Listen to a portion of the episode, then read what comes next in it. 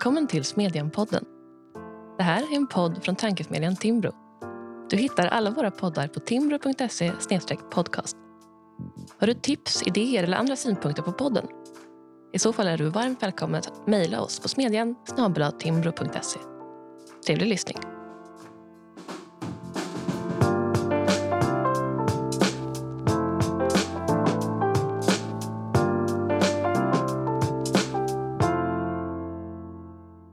Vad innebär konservatism i Sverige idag? Hur liberal kan konservatismen bli? Hur borgerlig är liberalismen? Och vem har egentligen tolkningsföreträde?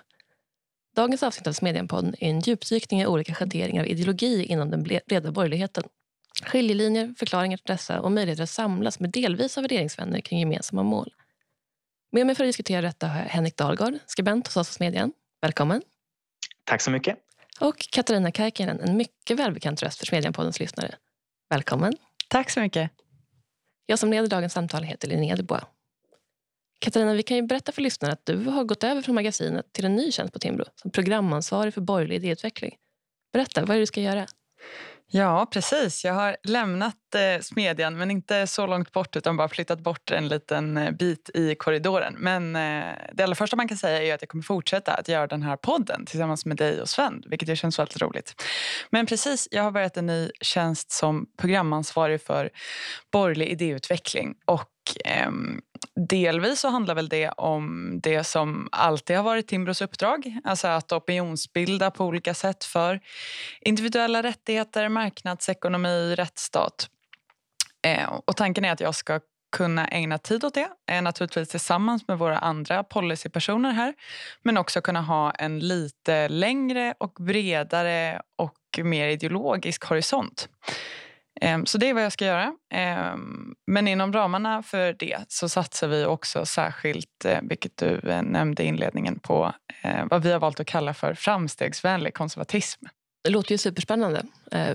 Borgerlig idéutveckling är ett väldigt brett uppdrag men också väldigt naturligt som vidareutveckling på Timbros historiska roll som ideologisk intellektuell samlingspunkt för den, den breda borgerligheten. Men just den här inriktningen mot framstegsvänlig konservatism kan kanske vara lite överraskande givet att Timbro generellt utmärker sig som eh, eh, har ett marknadsliberalt uppdrag. Vad, vad, vad är egentligen framstegsvänlig konservatism? Ja, precis. All, allt sånt här blir liksom... Ehm, alla såna deskriptiva beskrivningar är egentligen väldigt normativa. Det är bara för att vi ska liksom försöka sätta ett ord på det för att man, man, man ska få en känsla för ungefär vad det är som vi ska göra. Men man kan väl säga att framstegsvänlig konservatism som vi ser det är en konservatism i mer av en anglosaxisk tradition. En konservatism som drar åt det frihetliga och åt det allmänborgerliga. Det kanske är en konservatism som inspireras mer av tänkare som Edmund Burke eller Russell Kirk eller senare Roger Scruton och som präglas av eh, försiktighetsprincip öppen historiemedvetenhet och absolut värnar liksom klassiska konservativa värden som gemenskap och traditioner och dygder men som också respekterar frihet, tror på individuella rättigheter, demokrati, marknadsekonomi, rättsstat. I grunden samma principer som är Timbros uppdrag att eh, bilda opinion för. Och det här gör vi av ett par olika skäl. Ehm, det är ju delvis, eh, delvis en fortsättning på det som Timbro alltid har gjort. Delvis ett svar på en värderingsmässig och partipolitisk förändring som har pågått de senaste åren där konservatismen spelar en större roll på eh, olika nivåer.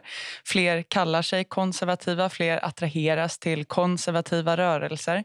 Konservatismen har fått en större roll i allmänborgerliga sammanhang av olika skäl. Och då blir det ju såklart eh, viktigt för oss att eh, som liksom marknadsliberal tankesmedja att säkerställa att Timbro också är en plats för hela borgerligheten, både liberaler och konservativa om man delar de här grundläggande värderingarna. Just det där att fler söker sig till det konservativa och konservatismen. Vill du säga någonting om vad du tror det beror på? Man skulle kunna se det som att det beror på att, ja, men, säg, liberalismen inte har gett alla svaren, om man vill vara, vill vara hård. Så kan man nog se det. Jag tror att det egentligen handlar om ett par olika trender. delvis eh, så tycker jag att en intressant betraktelse har gjorts av statsvetaren Peter Santesson som tidigare var opinionschef på Demoskop. Eh, han skriver i en antologi som heter Liberalismens idéer som är utgiven av Access eh, förra året att andelen eh, som kallar sig konservativa har dubblerats från 2014 till 2019. Från 11, ganska modest siffra, till 22 procent. Och att den här tillväxten till stor del har kommit från tidigare självbetecknade liberaler. Eh, och han skriver ju att huvudförklaringen till att etiketten liberal inte längre lockar lika många är att konservatismen tycks ha flyttat fram positionerna. Och samtidigt så noterar han ett antal eh, andra trender. Eh, synen på ekonomisk omfördelning eh, förenar liberaler och konservativa. Inställningen att de flesta samhällsproblem beror på att staten reglerar och styr för mycket har till och med större genomslag bland konservativa i Sverige. Och de konservativa väljarna ger också uttryck för stark individualism. Så jag tror att det kan handla om ett par olika saker. Alltså delvis kan det säkert ha skett en liksom reell konservativ eh, värdeförflyttning.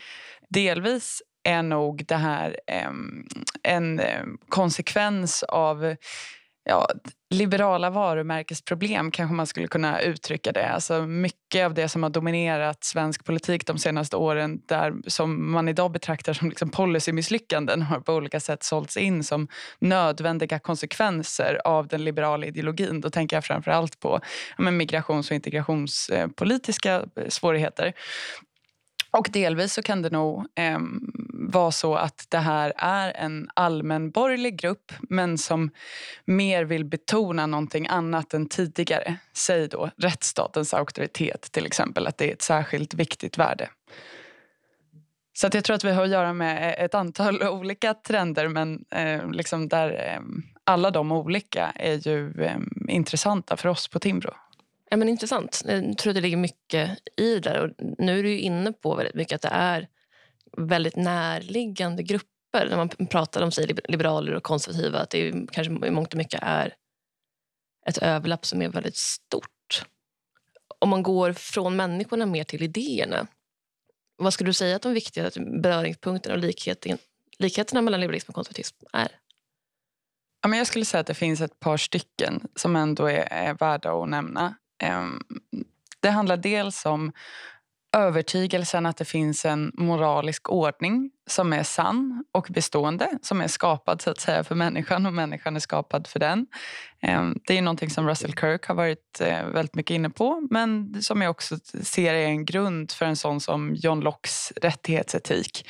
Det handlar om tron på frihet och äganderätt som väldigt många av de här som jag nämnde tidigare som liksom verksamma i den anglosaxiska traditionen ju verkligen har betonat. Ehm, och då kan man antingen se på liksom frihet och äganderätt som en del av den här eh, beständiga moraliska ordningen eller som eh, nödvändiga för mänsklig agens och därav mänskligt ansvarstagande som kanske konservativa skulle betona mer. Jag tror att den sortens konservativa också vänder sig bort från konformitet och egalitet i radikala system och att man i det också kan möta liberaler i värdet av pluralism även fast man kanske ytterligare då betonar eh, traditionen och det hävdvunna och det som får växa fram över tid. så att säga. Men båda värnar frivilliga gemenskaper framför kollektivism. Um, jag tycker också, om, bara för att ta ett exempel till, att jag har ägnat de senaste dagarna nu att um, läsa Edmund Burke och Fredrik Hayek och deras tankar om institutioner som liknar varandra väldigt mycket. De ser institutioner som resultatet av komplexa historiska processer. Det är liksom mänsklighetens samlade kunskap som är traderad genom generationer och därför finns det ett behov av att hantera institutionerna varsamt Eh, och att hantera kunskapen med, med, med, stor respekt också. Och de liknar varandra eh, väldigt mycket trots att de här två tänkarna skulle man väl kanske säga i övrigt har eh, skilda utgångspunkter. Jag tror faktiskt att vissa eh, som nog eh, ändå eh, har bra koll på de här idétraditionerna skulle ha svårt att eh, skilja deras respektive texter åt ibland för att så mycket ehm, liknar de varandra. Och jag vet att jag läste också en eh, professor Linda Reeder tror jag, på The Independent Institute eh, som uttryckte det som att Hayeks mål var att fullborda Burkes tankar och tillhandahålla vetenskapliga belägg för Burkes teori och förklara med större precision varför, som Burke har uttryckt det, the individual is foolish but the species is wise. Så att, liksom, att vår samlade kunskap kan göra någonting bättre än vad varje enskild individs eh, kunskap kan. Eh, jag vet, jag pratade med um, om det var i den här podden eller i ett annat sammanhang med statsvetaren Johan Wenström om det här som ju har skrivit väldigt mycket om konservatism och så. Och han hävdar ju med bestämdhet att eh, Fredrik Hayek är missförstådd. Han är inte alls liberal. Han har liksom, eh, hans tänkande är en del av den konservativa idétraditionen. Och det, det kan man ju säkert argumentera för. Men om nu båda de här idétraditionerna vill göra honom till sin så kanske det tyder på att man så att säga har eh, mer likheter med varandra ändå. Hayek skrev den klassiska en eh, kort essän varf, Varför jag inte är konservativ där han kan, inte nödvändigtvis vänder sig mot idégodset utan snarare konservatismens brist på riktning. som man ser det. Men det låter absolut som att det finns ett överlapp. Ja, jag tror att man ska förstå just det som också ett debattinlägg i en um, liksom diskussion som pågick där och då som var väldigt kopplade till de personer och rörelser som var de konservativa. Henrik, vad tänker du kring det här? Ja, jag håller väl eh, till stora delar med om just den här överlappningen mellan liberal och konservativ idétradition. Att det finns många just sådana Eh, ställen där de här ideologierna kan förenas kring vissa eh, särskilda principer. Och jag tycker framförallt det är intressant om man tittar mer på den liberalism som växte, växte fram här i, i, Sverige. Att den är väldigt kompatibel med den mer typ av menar, anglosaxiska konservatism som du är inne på Katarina. Eh, för när liberalismens idéer verkligen slår igenom i, i Sverige på 1800-talet så blir det en viss syn på samhället och ekonomier som blir väldigt dominerande. Och det är den som brukar kallas för harmoniläran. Eh, det vill säga att man ser både ekonomier, institutioner men även kulturer som organiska framväxtordningar. Att det här är saker som har växt fram under Eh, hundratals år. Att det består av hur människor har interagerat med varandra och att eh, ur de här interaktionerna har växt fram ganska komplexa system. Eh, både kring handelskedjor och företag men även kring normer och kultur. Och den synen ligger väldigt nära någon eh, som Edmund Burke till exempel, hur han skriver om de här sakerna. Eh, sen tänker jag, även om man vidgar perspektivet lite och riktar blicken mot eh, de upplysningstankar som framförallt växte fram i Edinburgh och Glasgow i, i Skottland eh, i form av ja, men Adam Smiths skrifter men även David Hume så ligger de också otroligt nära någon sån som Edmund Burke. Om man tittar på exempelvis Adam Smiths kanske lite bortglömda skrift, eh, teorin om de moraliska känslorna, eh, så är han där just inne på den här eh, organiska samhällsordningen, hur normer och dygder är någonting som vi människor ständigt måste väga eh, mot varandra men framförallt att de har växt fram över tid. Att de sitter inne med en viss typ av historisk kunskap som centrala makthavare inte kanske kan överblicka. Eh, så på de här punkterna tycker jag verkligen som sagt att det finns en, en stor överlappning mellan liberalismen och konservatismen. Just det, men precis. Och, och, och, även i en sån, eh, som vi nämnde innan, som Edmund Burke skulle jag säga att det finns väldigt mycket av de här liberala dragen. Men att han ehm, i sin liksom, första gärning i eh, reflektion om den franska revolutionen liksom, nödgades inta den ställning som han gjorde av den tid som han levde i. Men där jag tror att eh, han också skulle instämma i många av de här principerna ehm, och den här synen som du beskriver nu. Han skriver väldigt vackert i eh, slutet av den att eh, ja, det, det framstår som en extremt liksom, trevlig och ödmjuk person på alla sätt. Och Han säger att ja, ni, du får liksom, till den här brevskriven som han skriver till att eh, du får ta mina liksom, åsikter och tankar här med, med, eh, för vad de är. De kommer från en person som inte har varit något redskap för makten, inte från någon som smickrat storheten. De kommer från en person vars eh, offentliga bemödanden nästan helt varit en kamp för andras frihet från en i vars bröst ingen bestående vrede eller lidelse någonsin har antänts utom av vad han har ansett vara ett tyranni. Och Sen skriver han väldigt mycket mer och avslutar med ehm, från en som önskar bevara samstämmigheten men som skulle vilja bevara samstämmigheten genom att variera medlen för att trygga enigheten i slutet och när jämvikten på det fartyg han seglar hotas av överlast på ena sidan önskar lägga den obetydliga vikt som hans förnuft kan bidra med till att bevara dess jämvikt. Åh, oh, vad fint. Visst är det väldigt poetiskt också? Eh, men jag tänker att det delvis är så här som man ska förstå de här liksom historiska urkunderna och, texterna och så där och de här liksom respektive personerna som har varit verksamma i den här idétraditionen. Ofta så har det varit just en liksom tes och antites och syntes och ett försök att, eh, att eh, hitta någonting bättre just utifrån de förutsättningar som man finns i. Och det kan ju ibland innebära att eh, de också liksom går ihop och att man mer betonar den här samstämmigheten. Ja, verkligen. Eh, jag kan bara tillägga det att när man pratar om de här tänkarna historiskt och deras idéer så är det väldigt viktigt att vi inte bara försöker förstå dem utifrån vårt perspektiv idag utan verkligen försöker sätta in dem i den kontext som de själva verkade i. Eh, och om man till exempel tar Burke som ett exempel, om man hade kallat honom Tory, eh, det vill säga konservativ, så hade han nog blivit lite smått rosendrasande. Han såg ju sig själv som en, en del i, i Whig-rörelsen som mycket, var mycket mer utpräglat liberal än konservativ på, på den tiden.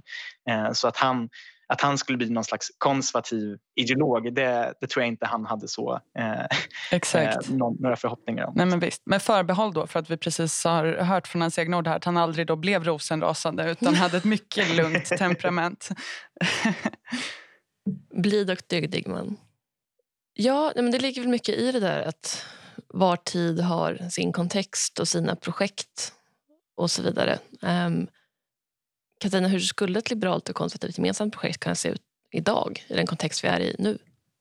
Ja, men jag tänker att um, det finns ett par liksom, grundläggande värderingar som man ändå, eller behov um, där jag tror att ett projekt skulle kunna formeras. Alltså stärkta institutioner, stärkt rättsstat bättre förutsättningar, bättre fungerande marknadsekonomi Ehm, skydd av samhällets sfärer och någonting som jag tror kommer bli intressant att se framöver också om ja, men liberala och konservativa opinionsbildare och politiker tillsammans skulle kunna lyckas eh, formulera är ju en mer optimistisk och inkluderande nationell gemenskap eh, på något sätt. För ofta när man pratar om eh, känsla för nationen nu skulle jag säga att det är på, eh, från vissa håll åtminstone, på ett ganska pessimistiskt, ganska ehm, eh, eh, det är väldigt högt tonläge i den diskussionen. Och Det, det tycker jag ska, ska bli en liksom intressant sak att se om ja, men till exempel då en, ehm, en moderatledd regering skulle kunna liksom prata om på ett lite annat sätt för att få en annan känsla kring hela det projektet. Um, I svensk kontext är det uppenbart att man måste Eh, jag tror att det eh, de allra flesta väljare väntar sig är att det första projektet blir så att säga det här om stärkta institutioner eh, kring rättsstaten. Det är väl det absolut mest pressande problemet idag. Ehm, därefter uppenbart mycket som har med integration att göra. Det jag tror att man kan behöva både det här liksom ehm, ehm, det nationella och kulturella betonar det på olika sätt men där ju mycket handlar om liksom klassisk ekonomisk politik också. Eh, man behöver nog båda delar. Och på eh, längre sikt så tror jag absolut att ja, men bättre förutsättningar för eh, marknadsekonomin, marknadsekonomins funktionssätt, också skydd av samhällets sfärer och säkerställande om deras fortsatta liksom, vitalisering också på eh, kanske armlängds avstånd mer från politiken kommer bli eh, viktiga gemensamma projekt. Och om man vänder på det, finns det skiljelinjer och konflikter som blir svåra att överbrygga på vägen ditåt? Ja, men det, det är klart att det finns. Eh, och vissa av dem är väl inte är eh, meningen att man ska överbrygga nödvändigtvis heller. Eller, vissa kan ju liksom få finnas, men det finns en del skiljelinjer som kan bli problem också. Eh, jag tänker att ehm, en sån sak som vissa i den här nya konservativa rörelsen själva betonar är ju frågan om nationens ställning på olika sätt. Eh, hur pass eh, viktig den gemenskapen är och vad det innebär i förhållande till enskildas ehm, fri och rättigheter. Ehm, jag tror ju att ehm, i den praktiska politiken i Sverige idag är uppenbart att liksom, nationen har en viss roll, även fast kanske utgångspunkterna skiljer sig väldigt mycket åt om man går till den här mer um, teoretiska, liksom, hur de här idétraditionerna har utvecklat sig. Men där tycker jag också att det finns um, flera sidor i den, inom den klassiska liberalismen. Alltså I Immanuel Kants tradition så har man ju mycket pratat om ja, men, den eviga freden och världsfederationen och eh, liksom velat tona ner nationen. Um, men eh, det finns ju också en, hos, eh, en, hos honom samtida eh, Johan Gottfried Herder och senare tongivande ideologer också en liberalism som betonar nationen eh, och ser den som liksom ett ramverk inom vilken liberala institutioner eh, och värderingar kan eh, byggas. Och det tycker jag, läser man vissa av dem så är det ett resonemang som har stora likheter med till exempel Roger Scrutons tankar. Ehm, där han ju ibland har formulerat det som att nationalitet eh, så att säga inte är den enda sortens socialt eh, medlemskap och inte heller ett exklusivt band. Utan det är den enda sortens medlemskap som har eh, visat sig dugligt att bibehålla en demokratisk process och liberala rättsstatsprinciper. Och just eftersom det inte är ett exklusivt band så gör ju det att vi kan ha en koppling till varandra bortom religion och familjeband och politiska uppfattningar och ändå ha liksom någon slags grundläggande eh, respekt eller eh, gemensam lojalitet gentemot varandra. Och det tror jag är, liksom, apropå det här projektet, att mm. hitta någon slags eh, gemenskap. Eh, någonting som många liberaler ändå borde kunna eh, skriva under på. Och det hindrar oss så att säga inte från att ha eh, i sin tur band till liksom, Norden och Europa och världen och ha liksom, arv från olika delar av världen eh, i vårt svenska idéarv också. Men jag tror ändå att det kan vara en, en slags utgångspunkt. Så det blev, blev ett lite dåligt svar eftersom svaret så att säga blev att nej, det är inte så stor skillnad ändå. Men jag tror att eh, det finns eh, skiljelinjer som kommer att framträda mer men där det snarare är är tacksamt om personer som mer bekänner sig till respektive idétradition tar intryck av varandra.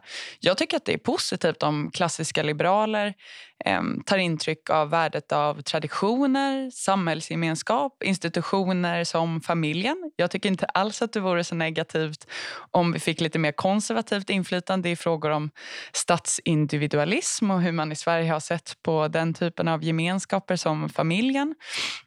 Eh, absolut i fråga om rättsstatens auktoritet. Eh, skolan har ju också varit en eh, sak som har diskuterats mycket nu de senaste åren men kanske från mitt perspektiv från lite liksom, fel utgångspunkter där det stora problemet ju har varit att vi inte har, tycker jag, betonat kunskap och värdet av traditionella undervisningsmetoder i skolan. Där hade det nog varit sunt med mer konservativt inflytande. Jag tror att konservativa i sin tur lär på olika sätt behöva hejdas från politisk maktutövning i samhällets alla sfärer. Därför att styrningen lockar alltid när man själv tycker att syftet är gott. Eh, så där är det nog sunt om man påminns om vikten av frihet och pluralism och, och maktdelning. Ehm, så att jag tror att det finns skiljelinjer men där de allra flesta ändå i någon slags ehm, liksom hegelsk dialektik kan göra oss eh, bättre tillsammans. Jag kan hoppa in där och, fortsätta lite där på, på det sistnämnda. Eh, för jag tror du är inne på någonting ganska viktigt där. Att, eh, om man ska vara lite fantasynörd så, så tror jag att konservativa idag måste lära lite av, av Gandalf och inte vilja använda den fina ringen för att göra gott.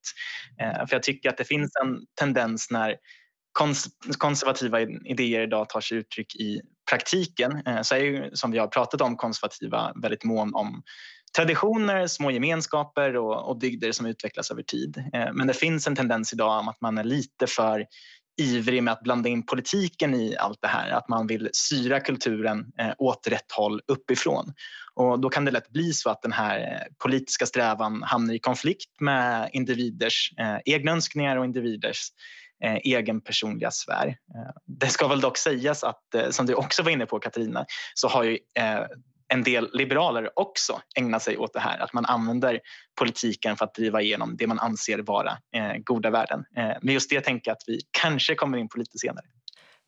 Ja, lite senare eller varför inte nu? För att ringen utövar lockelse på, på alla lika och brett. Inte ens alverna, de goda liberalerna, verkar vara immuna. um, för Henrik, du har varit ute och svingat en del i just den här debatten på det senaste. Inte minst i ett replikskifte nu i veckan i Smedjan med den socialliberale om man får säga så, debattören och filosofen Jesper Lin Marceta. Vill inte du berätta lite om, om den debatten? Jo, det kan jag absolut göra. Eh, det här är väl en debatt som har pågått eh, ja, ganska länge nu, under he nästan hela våren och nu även under sommaren. Eh, som har centrerats kring just hur man ska betrakta och se på den liberala historien. Eh, och där har bland annat eh, Jesper Alin Marceta skrivit en, en rad texter eh, där han tycker att vad man brukar nämna som klassisk liberalism, det här förespråkandet för okränkbara rättigheter, marknadsekonomi och en begränsad och en liten stat, att den typen av liberalism har fått en alltför stor plats i den liberala eh, idéhistorien. Han menar väl istället att de flesta liberaler historiskt har sett en ganska stor roll eh, för den politiska gemenskapen och att de har varit lite mer eller mycket mer eh, moraliserande och eh, marknadskritiska än vad vi betraktar liberalism som idag. Eh, och det här är väl, tycker jag, en historieskrivning som lite väl tydligt hakar i med Jespers egna åsikter om vad liberalismen bör göra. Och här tycker jag man ganska lätt gör ett sånt klassiskt felsteg när man liksom studera historien för att hitta argument för sina egna teser. Eh, det behöver inte vara någonting dåligt, det är snarare någonting som bör uppmuntras. Eh, men när man gör det så kan det väldigt lätt bli så att man i i jakt på de egna argumenten missar hur olika idéer hänger ihop med varandra eller eh, kanske framför allt att man helt och hållet liksom nästan förvränger historieskrivningen. Eh, och det är väl just på den här punkten som jag har eh, gett mig in och svingat lite i den här debatten. Eh, för jag skrev som sagt en replik på en av Jespers texter där han förde fram de här argumenten nu i förra veckan. Eh, och eh, om man tar ett exempel så tycker jag att Eh, Jesper gör sig skyldig till att just blunda lite eller eh, förvränga historieskrivningen när det kommer till just 1700-talets eh, liberala idéhistoria. Eh, för här beskriver han att vad han kallar för republikansk frihet, eh, just den här tanken om att människor ska vara en del av en stor politisk gemenskap och gemensamt besluta om olika typer av projekt. Att det var den friheten som var dominerande och ledande i Eh, 1700-talets upplysning och att det var den idén som drev igenom både den franska men amerikanska revolutionen. Eh, och det är just det här att när man i jakten på, på sina egna eh, teser glömmer bort att det finns lite andra idéer som under den här tiden också var väldigt viktiga. Eh, för många upplysningsliberaler så, så var den här tanken om republikansk frihet väldigt central. Eh, framförallt det här att det var befolkningen, medborgaren, eh, som skulle bestämma över staten och inte längre bara adeln och prästen och kungen. Eh, den tanken var jätteviktig. Men någon, en annan idé som var minst lika viktig, kanske än mer central skulle jag påstå, är ju den här föreställningen om okränkbara mänskliga rättigheter. Det räcker bara att, att, titta på de inledande textraderna i den amerikanska självständighetsförklaringen för att se det. Där Thomas Jefferson skrev att varje människa föds med vissa okränkbara rättigheter och att stater har inrättats här på jorden för att garantera sådana rättigheter. Man kan också se det här i de, några av de inledande punkterna i den franska konstitutionen. Eh, så just den här klassiskt liberala idén eh, som Jesper Alin Marceta menar är lite fringe i den liberala idéhistorien var eh, faktiskt väldigt framträdande. Eh, och det är väl just min största kritik mot honom, att han missar eh, just den här eh, väldigt centrala eh, tanken i liberalismen. Ja, men jag tycker också att en sak är, nu, ska vi, nu är inte Jesper här och kan försvara sig. Vi får väl ha ett eh, kanske speciellt eh, avsnitt tillsammans med honom. För det är ju intressanta frågor. K kanske till och med Verkligen. att han ska vara med i en av våra systerpoddar ja, snart. Precis. Ideologipodden som Timbro förlag har. Men en sak som jag tycker är intressant med den här debatten också, eller som är lite svår, är ju liksom Ehm, vad spelar historieskrivningen för roll? För Jag tycker också att det är så att säga, en intressant intellektuell eh, övning och att det kan um, ja, men liksom bidra med kunskap på olika sätt som kan vara värdefull. Men um, spelar det så stor roll? Eller liksom argumentet är så här har man förstått det som vi kallar eh, liberalism så därför borde vi göra det idag. Det blir liksom väldigt mycket en semantisk övning. Um, vid ett tillfälle, jag ska se om jag hittar det här, um, så, så skriver eh, Jesper, många tänker sig att liberalismen är nära förknippad med demokrati och att en liberal är någon som vill lämna människor i fred och tror på marknadsekonomins förträfflighet. Men ur det stora perspektivet är det förhållandevis sentida föreställningar. För inte så länge sen betydde frihet demokrati medan liberalism betydde moraliserande meritokrati. Men då är det lite så, okej, okay, men om vi nu idag kallar det moraliserande meritokrati istället kan vi väl bara leva med den? Eller liksom, oh, jag, jag kan inte jag känner mig obekant inför att fästa så stor vikt vid eh, liksom, orden. Det är lite Humes lag här. Liksom. Vad, vad är, kan man härleda vad vi ska göra idag eh, ur hur man har förstått det här ordet historiskt? Ja, vi är väldigt glada i, eh, även mer generellt, även bortom Jesper som återigen inte är här, eh, att försöka men, strida om rätten att definiera etiketterna och så vidare. Det tänker jag kommer kommer igen även en diskussion om konservatism idag. Att, men, vem har rätt att definiera vad konservatism är? Liberaler som tror att konservatism bara är försiktighetsprincipen är fel ute och tvärtom.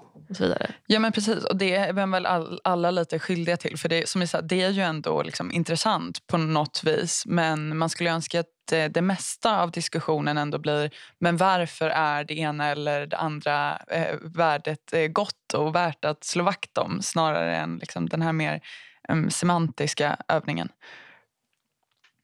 Ja, ja verkligen. Eh, sen kan jag tillägga, jag som är lite nörd när det kommer till begreppshistoria, att jag tycker väl den här eh, semantiska diskussionen är, är väldigt intressant och, och viktig. Eh, men det man ska ha med sig är ju att när vi använder de här begreppen eh, så är de ju till för att generalisera och eh, liksom för att vi ska förstå eh, olika typer av idéer och, och sammanhang. Eh, och de här begreppen var ju inte alls så utmejslade och tydliga under exempelvis 1700-talet eller 1800-talet som de idag kan vara på eh, seminarier på universiteten. Eh, så när man pratar om begrepp som vad frihet betydde eller vad liberalism betydde eh, så är ju de liksom, återigen, som vi var inne på tidigare, intimt sammanbundna med sin historiska kontext. Människor uppfattar de här idéerna på, på helt olika sätt och, och de varvades med varann. Eh, så jag tror eh, man måste, som du var inne på Katarina, hålla Humes lag lite i, i huvudet här. Att det är väldigt viktigt att diskutera hur människor har uppfattat idéer om, om frihet och, och rättigheter genom historien. Men vad som är rätt och fel idag och vad liberalismen bör vara. Eh, den debatten kanske man ska hålla lite vid sidan av så att de här debatterna inte eh, hakar i och förvanskar varandra. Nej, men och det är viktigt såklart därför att eh, om man gör liksom anspråk på att försöka förstå urkunderna så måste man förstå vad liksom ord hade för betydelse när de skrevs naturligtvis. Men jag tänker på i frågan om så, vad liberalismen borde vara idag. Jag, vet inte, jag kan också tycka att det finns något attraktivt med den här idén om liksom den republikanska friheten och det handlar mer om en politisk gemenskap där fria eh, medborgare liksom deltar i, i samhällslivet. Men om jag liksom tittar ut på Sverige idag och funderar på är liksom problemet att vi inte har eh, deltagande i institutionerna framför allt? Eller är problemet framför allt att det som liksom blir eh, konsekvensen av politiken tar väldigt stort utrymme i människors liv? Jag tycker inte att vi saknar liksom republikansk frihet i Sverige. Alla sitter väl i liksom föreningsstyrelser och, och eh, liksom stämmor för att besluta om trädgårdsskötseln utanför sina lägenheter. Och liksom, vi deltar ju extremt mycket i, i samhällslivet, eh, många av oss. Men, men det som blir resultatet av politiken eh, styr väldigt mycket av människors liv. Och om man då är en person som eh, har preferenser som inte så att säga samstämmer med eh, för tillfället eh, majoritetens så tror jag att eh, det problemet kommer upplevas som ganska stort. Ja, det är väl så att staten inte ser alls likadan ut idag som den gjorde för 300 år sedan.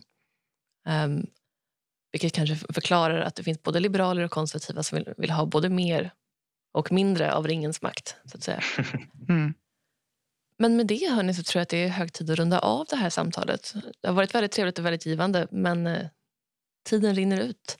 Katarina Kärkinen och Henrik Dahlgard, stort tack för att ni var med. Tack snälla. Stort tack själv. Henriks och Jespers texter samt en krönika av Katarina om liberalism och konservatism och mycket annat hittar ni i vanlig ordning på timre.se media.